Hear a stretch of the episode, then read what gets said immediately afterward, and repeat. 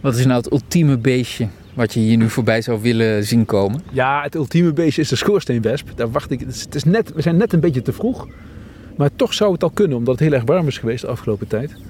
En dat is een wonderlijk dier die, je ja, die het vrouwtje voelt met haar voelsprieten uh, de hele leemachtige, ze heeft een leemachtige grond nodig. Dat, dat speurt ze af naar een geschikte plek. En op een gegeven moment heeft ze besloten, hier ga ik het doen. En dan denk je, nu gaat ze graven. Maar dat doet ze niet. Ze stijgt op en maakt cirkeltjes in de lucht. Hè?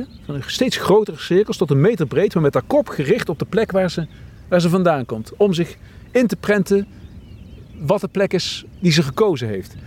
En dan vliegt ze weg. Gaat ze naar de waterkant, waar het overzichtelijk is, waar, je, waar ze niet door een spin kan worden gepakt. En daar zuigt ze een grote teug water in, in haar krop. En dan vliegt ze terug.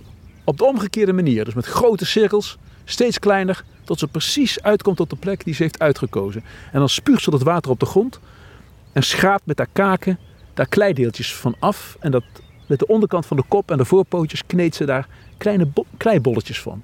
En die brengt ze naar achteren, tussen haar middenpoten en haar achterpoten. En dan drukt ze dat bolletje aan de rand van het kuiltje wat net ontstaan is.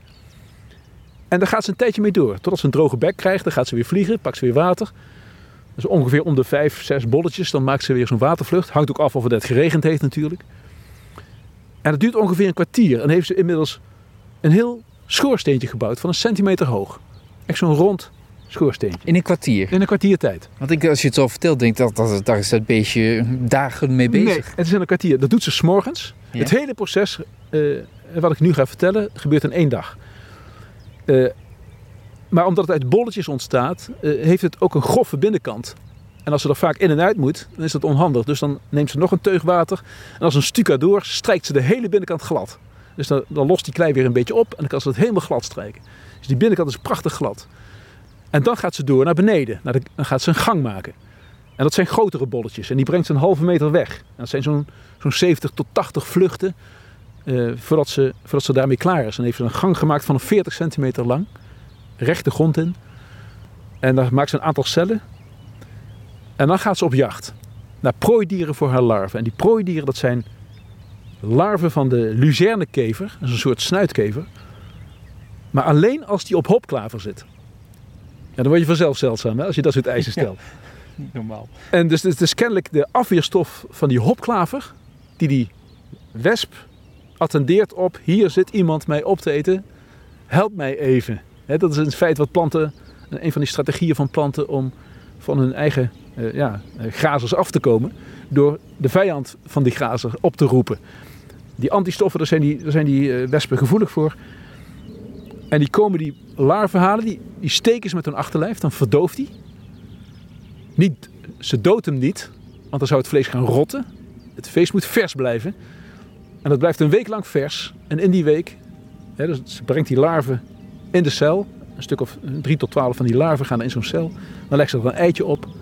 Eitje wordt een larf, die vreet zich door die verse prooien heen. En spint zich in een kokon. En blijft een hele jaar onder de grond. In een soort, uh, ja, dat noem je een, een, diapauze. Dat is niet echt een winterslaap. Er zijn een aantal prikkels nodig om, om wakker te worden. Bijvoorbeeld een vorstprikkel kan belangrijk zijn. Dat het een keer goed vriest. Als niet, en als die niet gebeuren, dan blijven ze nog een jaar onder de grond. Hè?